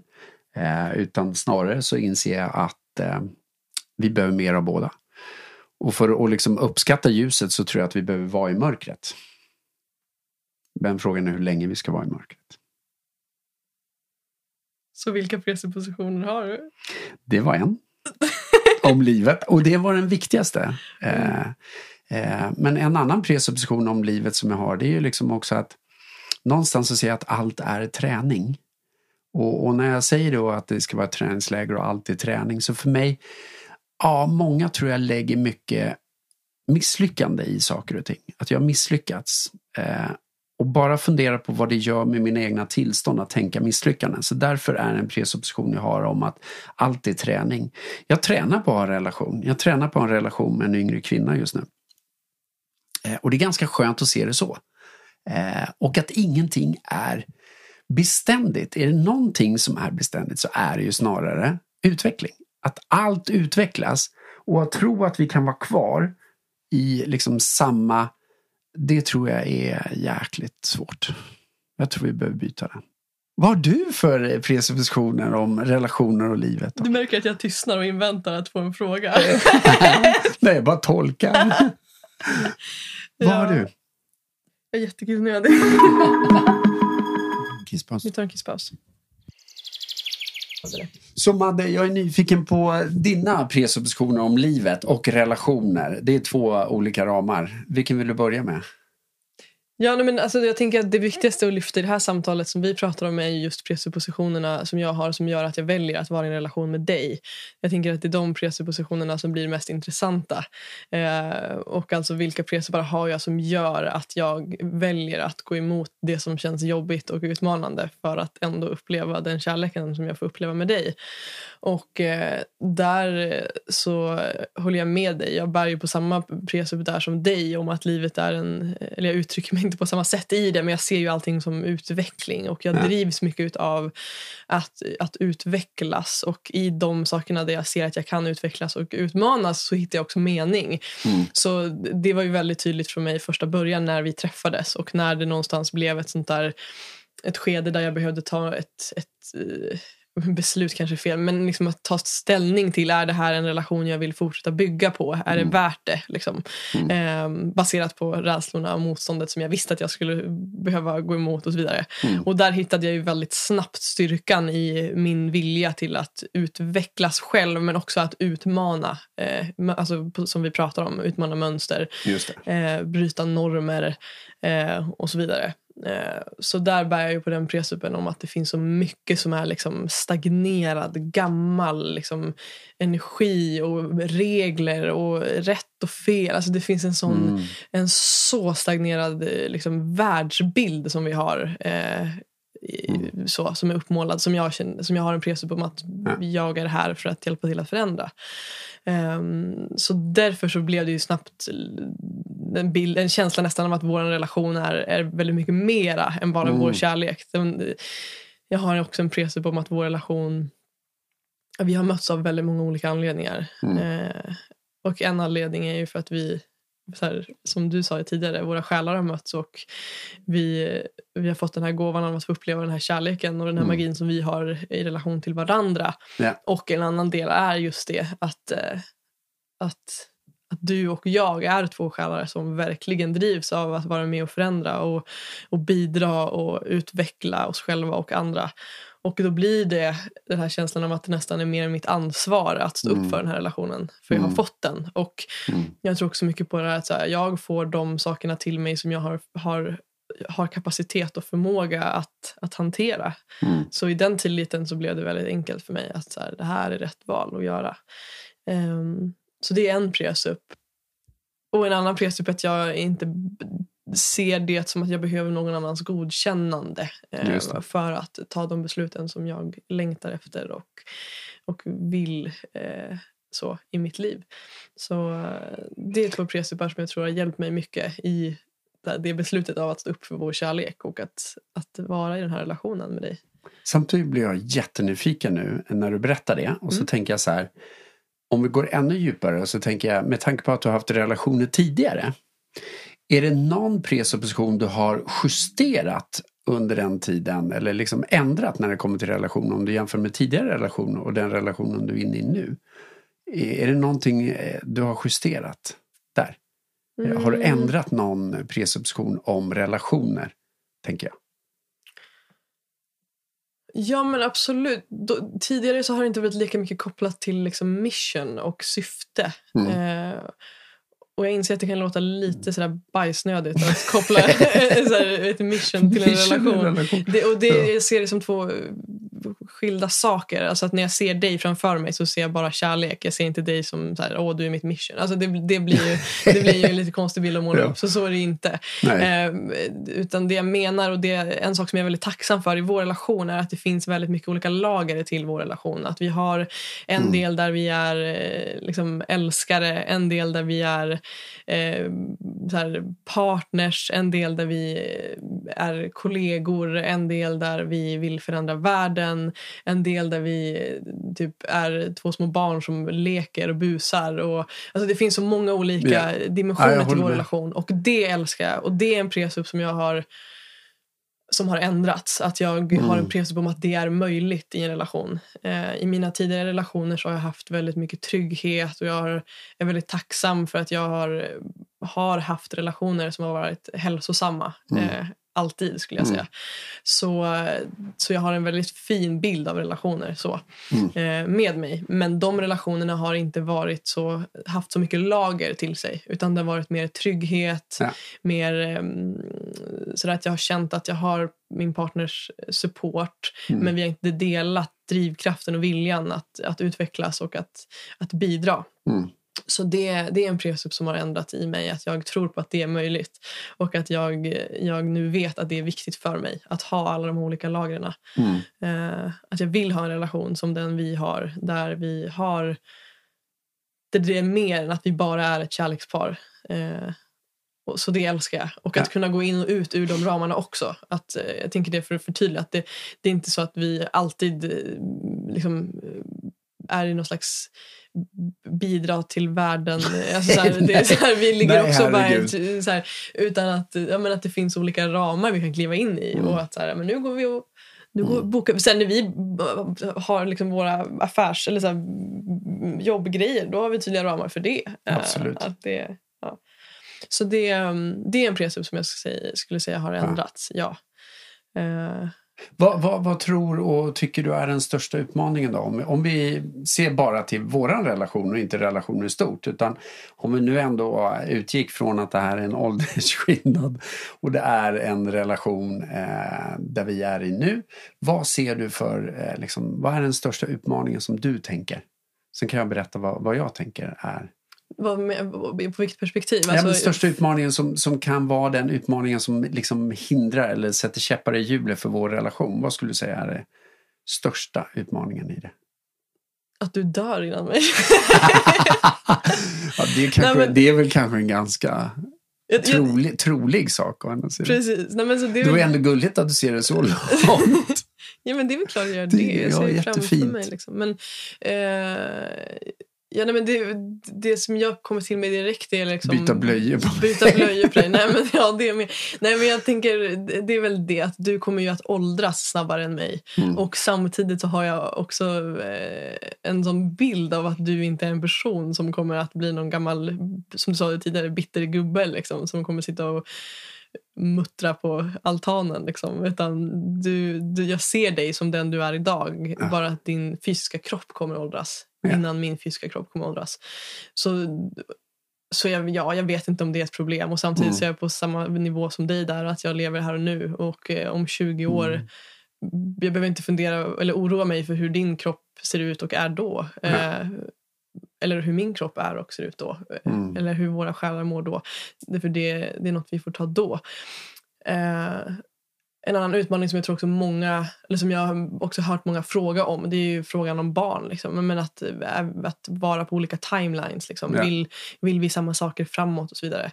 Och det är ju liksom, igen, det, mm. just nu är jag bara här och nu. Och allt som kommer framåt är, alltså så här, det visar sig. Ja. Eh, så. Um, så det är väl de två sakerna. Mm. Annars kan jag inte se jättemycket utmaningar. Alltså så här, utmaningar självklart för att alla relationer har utmaningar. Men utmaningar för att vi har en åldersskillnad. Nej, där ser jag inte mycket som skulle vara ett problem. Nej. För jag, jag, tänker också att många kanske skulle få den här bilden av att ja, men Madde, du är ung, vill inte du liksom åka ut och resa, utforska och göra liksom, och, mm. och, och, det man inte då kanske vet är ju att jag får göra det med dig. Alltså mm. att jag känner mig mm. fri, jag känner mig levande, jag känner att jag kan göra alla de sakerna fast jag är i en relation med dig. Mm. Och att jag ser inte att det skulle vara någon skillnad om du var 20 år yngre. Ja. Eh, så... Nej, kanske till och med mer nu. Ja, precis. Ja. När mina barn är så pass stora. Ja, Ja. exakt. Ja. Mm. Nej, så det är väl det. Vad, vad tänker du? Vad... Alltså det, det som kommer upp för mig när, när jag eh, ställde frågan till dig eh, och vad som kom tillbaka till mig var, jag tror att den största utmaningen som jag ser det är min egen rädsla. Mm. Min egen rädsla connectad till framförallt nära och käras eh, uppfattning om vår relation. Mm. Eh, och, och vad jag menar med det är att det är nog den största utmaningen jag har att brottas med. Det är min egen rädsla Mm. för vad det är som egentligen styr och, och där jag ibland kastas tillbaka till och blir eh, jätterädd. Oj, vad, vad är det här? Och det är för stor åldersskillnad och så vidare. Och det är ju när jag inte är här och nu med dig och är i allt det härliga som du och jag har och utforskande och lekfulla och så vidare. Att när jag tappar bort mig i det och, och hamnar i rädsla eh, connectad till nära och kära. Det är jobbigast tycker jag. Mm. Det är det som sätter de liksom, största käpparna i hjulet Mm. för mig. Mm. Yes. Ja, för det får man också vara. Liksom, tänka att du är mera, det är mer närvarande för dig. Eh. Den processen. Alltså, som jag nämnde med min familj till exempel. Så Mm. är den, jag känner att jag är ute på andra sidan av det. Eh, Mm. Och att det är mer närvarande här och, du, Ja. här och nu för dig. liksom. Ja, och jag vill inte gå in på närmare detaljer i det för jag vill inte hänga ut någon. Och det är ju inte alla delar som är eh, lika accepterande och öppna för vår relation. Och, och det är jättetufft, det ska jag inte sticka under stolen med. att Det är, det är fruktansvärt jobbigt. I, emellanåt så kan jag vakna kallsvettig på morgonen och, eh, vara, usch, och jag har drömt hemskt och nej, det är skitjobbigt. Och då kastas jag ju tillbaka till just det här, ja men vänta, ska vi verkligen vara i en relation? Eh, men då går det ganska snabbt också, vad vore jag utan den här relationen? Mm. vad skulle jag vara då? Eh, och på vilken plats skulle, eller på vilken plats skulle jag vara? Så att det pågår hela tiden någon slags, eh, jag ska inte säga kamp, men, men en... Eh, ja, ett ifrågasättande. Då. Och jag tror ju på ifrågasättande. Men sen får jag väl fundera på hur mycket ifrågasättande det är och varifrån det kommer. Från vilka känslor egentligen det bottnar i och, och känslan av attachment och sådana saker. Att våga och våga släppa på det också. Mm. Jag tänker också för mig en sån grundsten som jag eh, också vänder mig till väldigt mycket är så att jag aldrig vill vika mig för andra människors rädslor. Alltså Mm. när jag märker att, att åsikter eller tankar är baserade i andras rädslor Mm. eh, så blir det väldigt tydligt att dit ska inte jag gå. Alltså att Nej. jag ska, inte vika, jag ska inte vika saker som för mig får mig att må bra eh, baserat på att någon annan är i en känsla av rädsla. Alltså om man igen Mm. ser allt, allt i livet, alla beslut kommer från kärlek eller rädsla. Eh, och att allt som väcker motstånd oftast är baserat i rädsla. Mm. Liksom. Eh, Men det, och jag håller verkligen med. Mm. Och, och den för mig känns självklar. Men Mm. när det är eh, de eller som, älskar, eh, som du älskar mest av Mm. allt, eh, då är det inte lika självklart längre, känner jag. Att Det- då vacklar jag. och det förstår jag. Och samtidigt som att det är där utmaningen ligger. Mm. Alltså att, eh, att så här, samma, samma filosofi någonstans eh, kvarstår och att det är Ja. där också du kan ge en gåva till dem du har nära. Ja. Eh, att visa på att det är okej att leva ett liv som är i linje med det ditt hjärta säger till dig. Ja. Eh, och att vi alla människor någon gång kommer stå inför situationer där andra människor uttrycker sina rädslor och Mm. då, då krävs ett arbete för att våga stå kvar i sin egen Ja. sanning. Ja. Eh, och att det är en gåva du ger genom att våga, du banar ju väg, vi banar väg får jag säga, Mm. genom att stå, stå starkt i det. Och, och jag inser det absolut och väldigt mycket på liksom ett, ett klokt logiskt plan så Mm. är jag fullständigt med dig i det. Och samtidigt så, och det är lite kul med tanke på mitt mantra, hur svårt kan det vara? Ja, jag inser också att ibland kan det vara skitsvårt. ibland kan det vara jättejobbigt och svårt och, och absolut, när jag hamnar där. Mm. Men jag är fullständigt med i den. Och det handlar ju också om att vad är det jag vill ge mina barn? Jo, förmågan att stå också och välja glädje och kärlek utan att påverkas för mycket av vad och hur mycket det blåser runt omkring dig. Eh, ja. Mm. Så tillbaka igen. Eh, jag skulle vilja gå tillbaka till där vi inte börjar helt, men om vi tänker isberget igen. Så är jag ändå nyfiken på vad, vad har du mötts av för frågor om, om du tänker isberget, har, har du mötts av frågor eh, då tänker jag på andra och tredje ordningen framför allt. Har du mötts av sådana frågor om vad eller var kommer frågorna ifrån? Jag, jag är nyfiken på det. Var, var, kommer frågorna ifrån? Kommer de mycket på första ordningen varför du gör någonting eller, eller liksom de ser saker och reagerar på det eller kommer frågorna på andra och tredje ordningen? Eh, jag är nyfiken på vad du har stött på i det avseendet. Mm, spännande fråga. Um... Måste tänka lite är så fascinerad nu när du ställer de här frågorna så inser jag hur tacksam jag är för att jag har fått så mycket fina reaktioner. Mm. Som sagt från vänner så där har det inte varit några konstigheter alls. Ja. Där har det bara varit eh, så här, alltså, nyfikna frågor om dig. Vem är du? Liksom. Mm. Eh, hur är Peter? Jag vill träffa Peter. Alltså så här, en, en, en, en sån bild. Just det. Eh, så, så det är ju väldigt vackert. Jag tror mera de här frågorna som kan ha kommit där liksom, jag menar, det här med barn känns som en sån grej som, mm. som har återkommit hela tiden.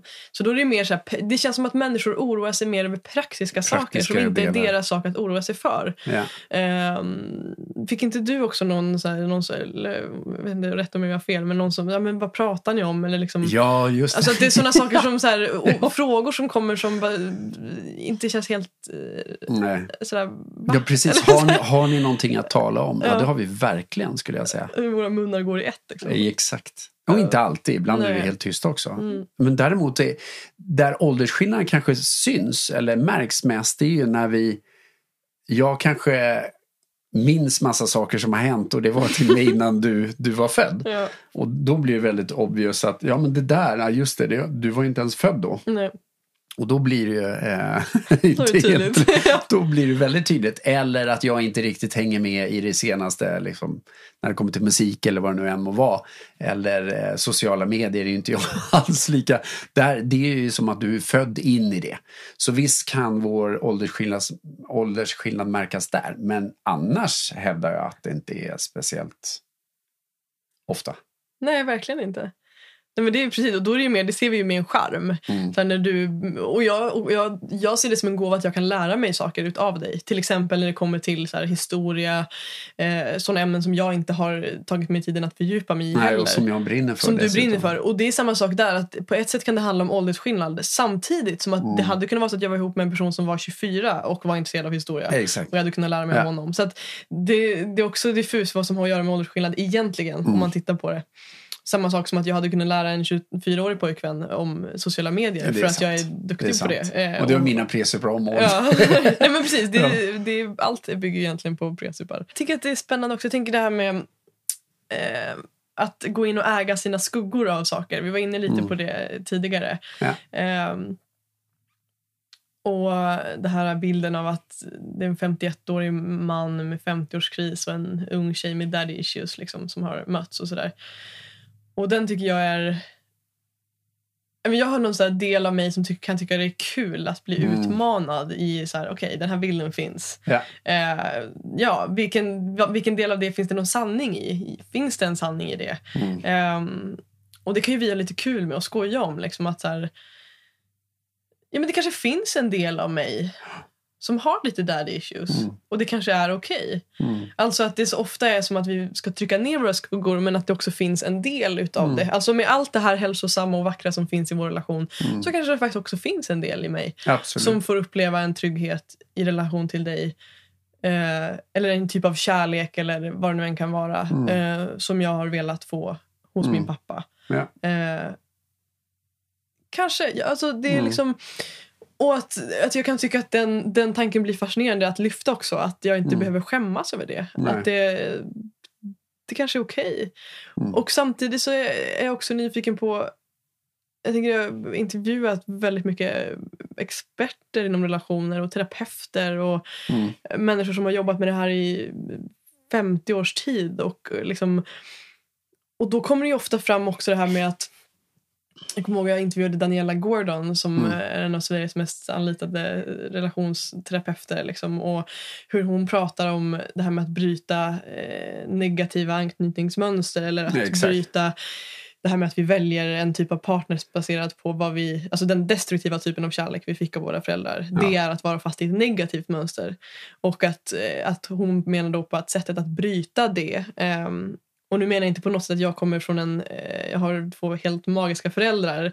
ehm, men just det här att sättet att bryta, att välja att vi ofta väljer en partner baserat på våra föräldrars dåliga sidor. Ja. Även om våra föräldrars dåliga sidor inte är eh, hemska så finns det ändå alltid, alla människor har ju negativa sidor. Eh, och att ett sätt att bryta det är att välja en partner baserat på eh, ja, antingen då liksom motsatsen till det Mm. eller ens, ens föräldrars positiva sidor. Mm. Eh, och där ser jag ju snarare att jag har valt liksom, en motsats på många sätt. Jag har valt det vackra som min pappa har eh, i det här trygga och så här, närvaron och det. Mm. Och samtidigt så har jag saknat någonting mer kanske kommunikativt och, Ja. och eh, sådär. Och det får jag i dig. Liksom. Att det är någonstans så här, om man ska se det och bryta ner det så ser jag det som någonting väldigt hälsosamt. Mm. Och det är kanske någon som lyssnar som har invändningar och är jättenyfiken. De får gärna höra av sig. För jag, är så här, jag dyker gärna djupare i det Ja. eh, och förstår mer eh, av mitt val på ett Mm. undermedvetet plan. För allt det vi pratar om nu är ändå medvetna saker. Liksom. Mm. Alltså, Nej, men, medvet- det, det är ju spännande som du säger det här med skuggsidor. För att är det någonting jag tror vi, och nu pratar jag generella termer, inte bara mig själv. Jag tror vi behöver bli mer medvetna om våra egna skuggsidor. Och det är väl det jag inte har eh, tidigare velat erkänna, mina egna skuggsidor. Och visst ligger det mycket i det, i det här. Jag menar, för mig har det också en sida varit väldigt mycket att jag har till och med känt lite, om jag får säga det här, eh, lite skam faktiskt över min egen sexualitet och min önskan av att få utforska och så vidare. Och det, det är ju någonting, och där är det så härligt när du också säger att vi får äga våra sådana issues och, och skuggsidor lite mer och göra en grej av det. Och det drar jag mycket lärdom av när du säger. För att jag har nog snarare tryckt undan eh, tidigare men nu får jag utforska och, och jag behöver inte känna så mycket skam för det som jag har liksom låtit mig själv göra tidigare. Och där tycker jag du är fantastiskt fin i att möta mig i den, i det utforskande och mindre skambelagda. Men jag håller verkligen med dig, eller, och jag håller verkligen med dig i att, att utforska mer när det kommer till våra skuggsidor. Mm.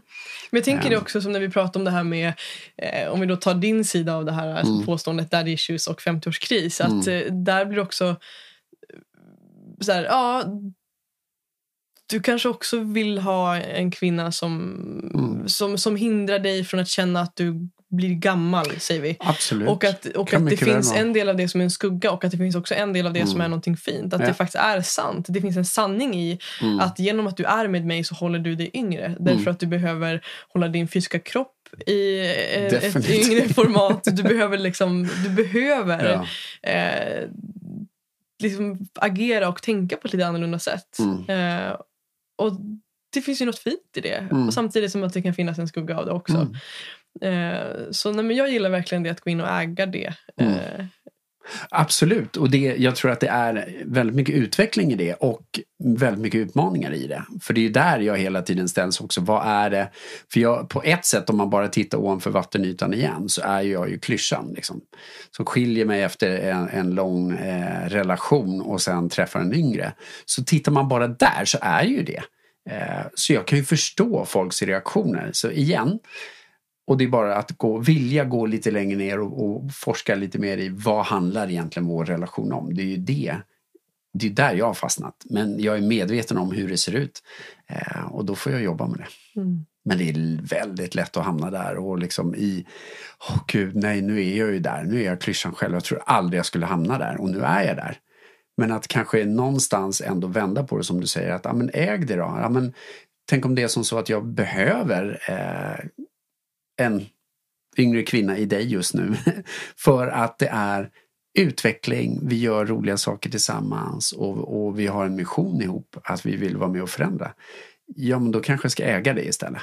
Istället för att känna skam över det. Eh, ja. Precis. Not so easy all the time! Ah. Nej, det är det inte. Alltså, jag tänker så här också att jag har mycket lättare nu att förstå andra som blir ganska snabbt dömda när jag sett eh, kanske mera par som ändå figurerar i media, som är offentliga personer, hur snabbt de döms. Och jag kan nog också till och med ha varit lite där själv, ja men hur tänker han, framförallt då eftersom att jag är mannen här nu då. Hur tänkte han där och vad är det här? Men igen, vad tusan vet jag hur de har mötts? Och det är det som är så fint någonstans i det här att jag har blivit betydligt mycket mer ödmjuk när det kommer till eh, relationer och framförallt åldersskillnad i relationer. Vad har du tagit med dig? Jag blir nyfiken på det. Från det här året, eller liksom ja. från den här relationen? Och... Oj, det finns så För jag blir mer ödmjuk i det eh, och då blir jag nyfiken. Vad, för du har ju ändå inte haft en sån typ av relation förut. Nej. Spännande fråga. Ja, det, det, kommer som två spår i mitt huvud. Det ena spåret är saker som jag tagit med mig från vår relation. Alltså saker jag lär mig utav dig, typ. Som jag mm. blir inspirerad av utav dig. Mm. Eh, och där kan jag se massor av saker som jag lär mig utav dig och som jag är tacksam för att jag får ta del, ta del av. Så. Mm. Eh, men det är lite annat spår kanske. Eh, däremot när det kommer till att ja, men våran, så här, rent utåt sett normativt bryta mönster i, eh, så är det nog mer den här bilden, den här tydliga bilden av att så här, det finns inga rätt eller fel. Det är mm. nog den som har landat mycket hos mig. Mm. Eh, och den hänger väl ihop också. Jag tänker att det är bara olika sätt att uttrycka det på. Det du sa här om att du blivit mer ödmjuk inför mm. att vi inte, vet, vi inte alltid vet vad som pågår under vattenytan. Och jag tänker mm. att det det är lite samma upplevelse jag har. Men att. Eh, för mig har det har landat mer i form av att jag förstår, har fått en djupare förståelse för att det inte finns rätt eller fel. Utan att eh, ja, vi behöver titta djupare för att förstå vad, vad saker och ting kommer ifrån.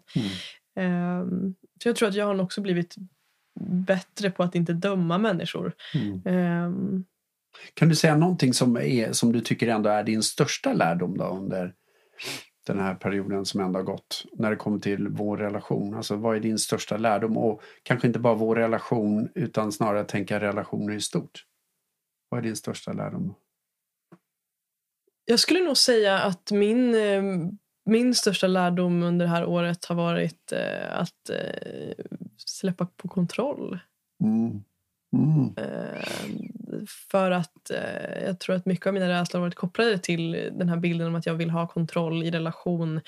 Eh, både till mig själv men också till, eh, till en partner. Alltså mm. att ha kontroll över, mm, som jag var inne på tidigare, det här med vilken timeline saker och ting ska ske på eh, den här relationstrappan. Liksom.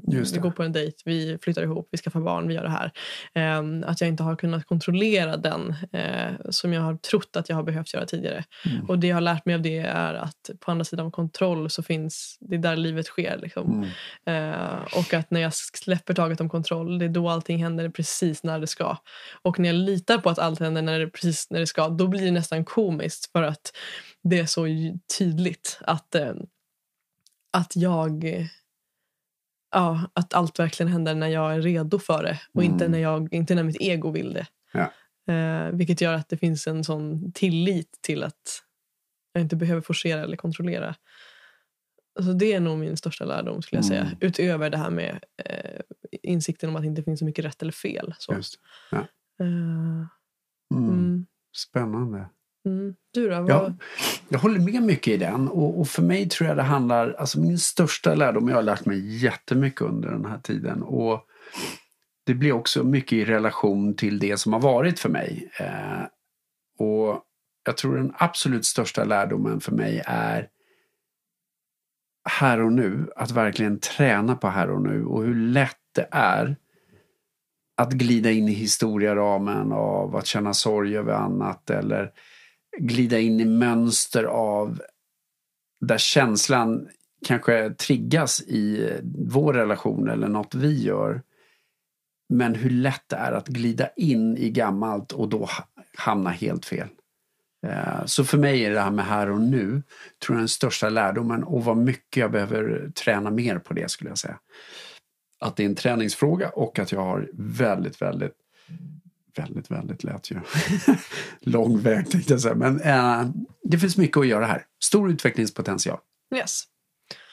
Fint! Och eh, vad tänker du eh, att du eh, ser mest fram emot eh, i och med det här projektet som vi nu har dragit igång? Eh, ja, det här var ju inledningssamtalet ja. eh, i Going Deeper. Eh, vad jag ser fram emot att ta med mig eller vad jag ser fram emot att göra. Både och, whatever comes to you. Det jag ser fram emot är att möta, eh, som vi redan har planerat, möta spännande eh, par och personer som på ett eller annat sätt har brutit mönster också. Och eh, det är jag nyfiken på att höra. Deras perspektiv, höra vad som driver dem, vad är det för intentioner de har i sina relationer, vad bygger de sina relationer för, på för presuppositioner? Vad har de stött på för beteenden? Alltså om vi tänker isberget, jag är nyfiken på att möta andra och ställa frågor kring det för att sen titta på vad kan du och jag lära oss av det? Vad kan vi lära andra?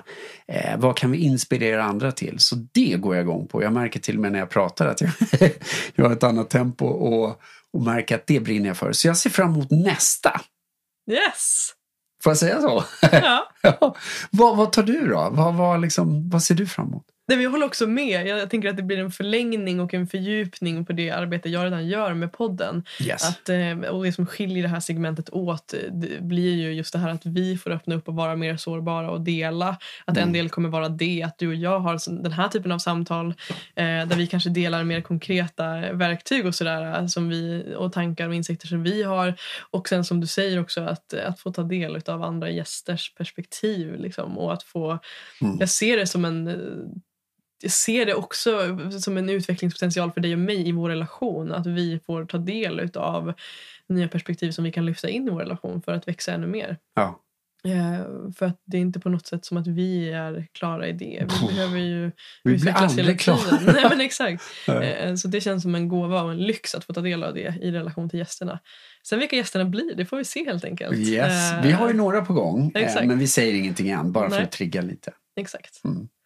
Och eh, får jag eh, skicka ut en, en liten inbjudan också till eh, lyssnarna att eh, ett, själva fundera på det här med isberget och fundera på vad de kan själva ställa för nyfikna frågor och att även bjuda in till en liten ram för oss. Att om de är nyfikna på att ställa eh, frågor och, och höra mer. För vi har ju pratat en hel del här men det finns ju fler saker vi skulle kunna svara på. Att också bjuda in till en frågeram där de är välkomna att höra av sig om de har frågor, funderingar.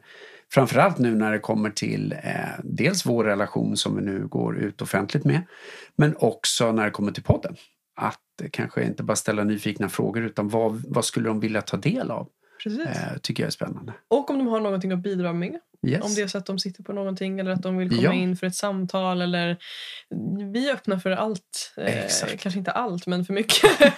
eh, så eh, jättevarmt välkomna att kontakta oss och höra av er. Ja, men för att avrunda det här samtalet så tänker jag att det kan vara fint med en liten utcheckning. Så eh, är nyfiken på att höra hur du känner dig just nu. Det känns som en relevant fråga att ställa dig eftersom att det är första gången som, som du kliver in som någon slags poddhost. Så vilka tillstånd ja. befinner du dig i just nu? Inspirerad, eh, engagerad och glad. Fint. Eh, och det roliga var ju att någonstans så hamnade jag ett tag lite i poddgäst. Men sen så blev jag också att det här är ju nya segmentet. Och det är ju liksom att, att få vara en del av det eh, tycker jag är kul och få ställa lite mer frågor. Eh, det är ju kul. Så där är jag. Fint. Du då? Ja, men jag känner mig också peppad och pirrig och inspirerad. Och jag märker att det finns en, en, en del av mig, någon sån här ilsken inre röst som bara är det tillräckligt värdefullt? Alltså typ, har vi gett tillräckligt mycket värde? Är det här mm. intressant för folk att lyssna på? Eller är det bara du och jag som har ett behov av att prata? Eh, så det, det, finns en... du, det lär vi väl se. Så vi får se. Men just nu mm. så finns det någon sån liten rädsla, rädsloröst i mig. Eh, men det brukar ofta lösa sig. Och eh, det kommer bli precis som det ska. Så frågan är, är vi tillräckligt intressanta? Eller tycker vi bara att vi själva är tillräckligt intressanta? Ja, men det är det som är liksom hybrisparadoxen när det kommer till podd. Att det, är liksom... och det är också spännande vilka presupar vi har med oss till och med att, att ha en egen podd. Och att du, eh, trots att du är en poddstjärna när det kommer till att eh, hålla podcast och ställa rätt frågor och så vidare. Och jag vet ju att du får väldigt mycket feedback i det. Så tvivlar du i alla fall. Mm. Eh, och det finns ju något gulligt i det. Samtidigt så tänker jag att det finns no någonting under det här isberget då att, att forska mer i. Ja, Vad finns det för presuppositioner du egentligen har med dig? Absolut, men jag har jättemycket tvivel i mig hela tiden, varje dag. Eh, och hur mycket bekräftelse behöver du egentligen? Ja. Alltså, bekräftelse utifrån vet jag inte. Säkert ganska mycket, men, men framförallt bekräftelse av mig själv skulle jag säga. Exakt. Jag känner att de gångerna som jag eh, vacklar i det så är det oftast eh, jag själv som inte har sett mig själv. Um, så ja, men det finns mycket att jobba på i det. Jag har väldigt mycket rädslor och otillräcklighetskänslor i mig. Uh, även om jag vet att det jag gör är bra. Uh, så det kan vi också separera på. Skillnaden mm. mellan att här, veta att det jag gör, här, det produktiva i mig är duktigt. Men det ja. finns en del av mig som känner sig otillräcklig. Um, men det, det är ett tema för ett annat samtal. Exakt. Så cliffhanger på den. Tusen tack för det här fina samtalet. Dit och Tack till dig som har varit med oss idag. Vi är så nyfikna på hur det här landar i dig. Vilka tankar, insikter, frågor och kanske till och med triggers väcks inom dig. Det betyder enormt mycket för oss att få ta del av dina processer och vi ser fram emot att höra från just dig. Skulle du vara intresserad av att gå ännu djupare och fortsätta det här samtalet så har vi också skapat en Facebookgrupp för att samlas och connecta. Och du hittar den genom länken som finns i beskrivningen till det här samtalet. Ett annat sätt att hjälpa oss att sprida samtalet vidare och att hjälpa oss att vara en del i att skapa en mer nyfiken och öppen värld är att posta det här på din story och helt enkelt visa att det här är perspektiv och samtal som behöver lyftas. Än en gång, tack till dig som är här med oss.